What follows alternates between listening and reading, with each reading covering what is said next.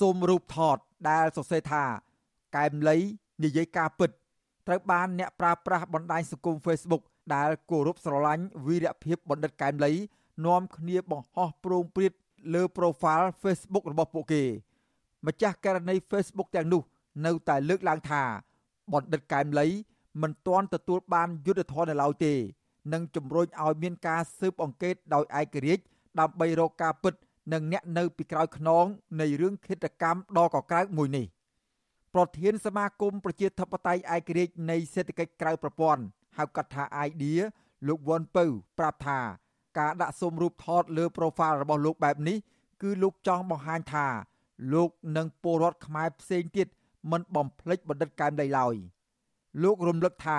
បណ្ឌិតកែមលីនៅតែមានទស្សនៈល្អល្អ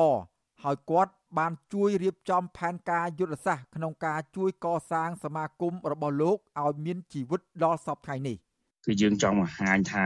ស្មារតីបណ្ឌិតកែមលីនៅជាប់ជានិច្ចសម្រាប់ប្រជាពលរដ្ឋខ្មែរទាំងអស់ជាពិសេសអ្នកដែលធ្វើកិច្ចការសង្គមហ្នឹងហើយយើងចង់បញ្ជាក់សំខាន់មួយទៀតគឺចង់ឲ្យទទួលបានយុត្តិធម៌ពិតសម្រាប់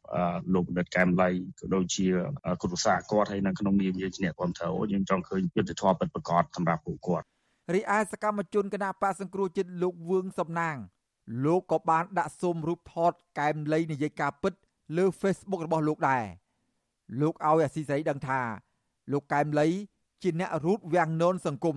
ដែលហ៊ាននិយាយការពិត ដើម្បីឲ្យប្រជាពលរដ្ឋប្រុសស្រី បានយល់ពីបញ្ហាសង្គមដែលអ្នកដតីមិនហ៊ាននិយាយលោករំលឹកថាបណ្ឌិតកែមលីក៏ធ្លាប់បានបណ្ដុះគំនិតឲ្យលោកប្រឹងប្រែងរៀនសូត្រ និងក្លាហានហ៊ានលះបង់ដើម្បីប្រយោជន៍ជាតិផងដែរ។គាត់ជាអ្នករូតវៀងណនឲ្យឃើញច្បាស់នៃអំពើអាក្រក់របស់អ្នកអ្នកប្រព្រឹត្តអាក្រក់នៅក្នុងប្រទេសកម្ពុជា បាទជាពិសេសតកតងនឹងតកូលហ៊ុនបាទរបស់តកូលហ៊ុនបណ្ឌិតកែមលី ដែលជាអ្នកស្រាវជ្រាវការអភិវឌ្ឍសង្គមត្រូវបានខ្មាន់កំភ្លើងបាញ់សម្លាប់នៅព្រឹកថ្ងៃទី10ខែកក្កដាឆ្នាំ2016 នៅឯស្តាម៉ាតក្នុងស្ថានីយ៍លក់ប្រេងឥន្ធនៈកាល់តិច ក្បែរស្តុបបូកូរាជធានីភ្នំពេញរយៈពេល5ឆ្នាំកន្លងមកនេះតុលាការនៃរបបក្រុងភ្នំពេញរកឃើញតែមនុស្សម្នាក់គត់គឺឈ្មោះអឺតអាង ដែលហៅខ្លួនឯងថាជួបសម្លាប់ក្នុងរឿងឃាតកម្មដ៏កក្រើកមួយនេះទោះយ៉ាងណា មហាជនទូទៅសង្ស័យថា ជួបសម្លាប់គ្រាន់តែជាឃាតករសពនិមិត្តហើយគិតថាឃាតកម្មនេះ មានការរៀបចំផែនការ និងពាក់ព័ន្ធនឹងមនុស្សជាច្រើនអ្នកទៀត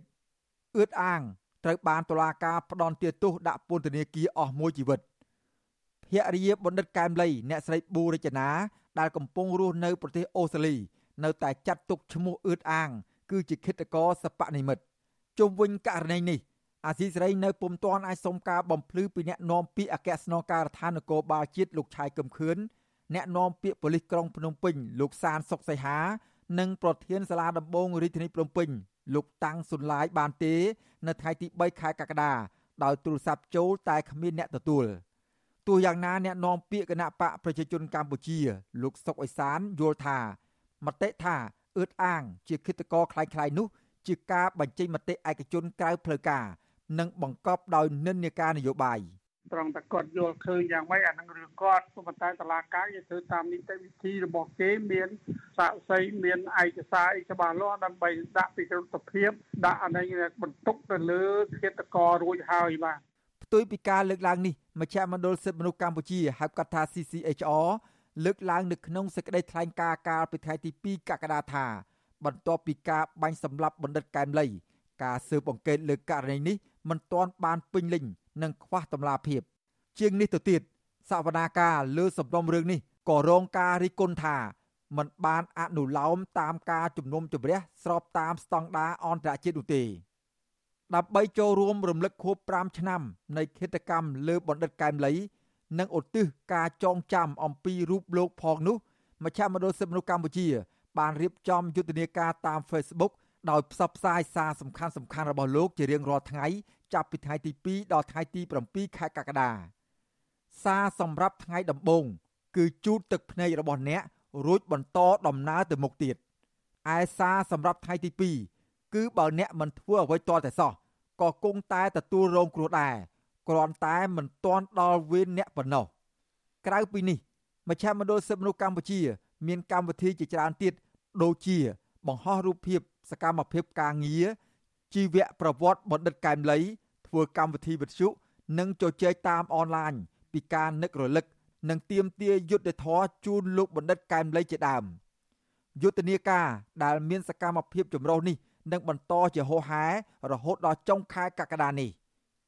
ខ្ញុំបាទសេកបណ្ឌិត អាស៊ីសេរីពីរដ្ឋធានីវ៉ាស៊ីនតោន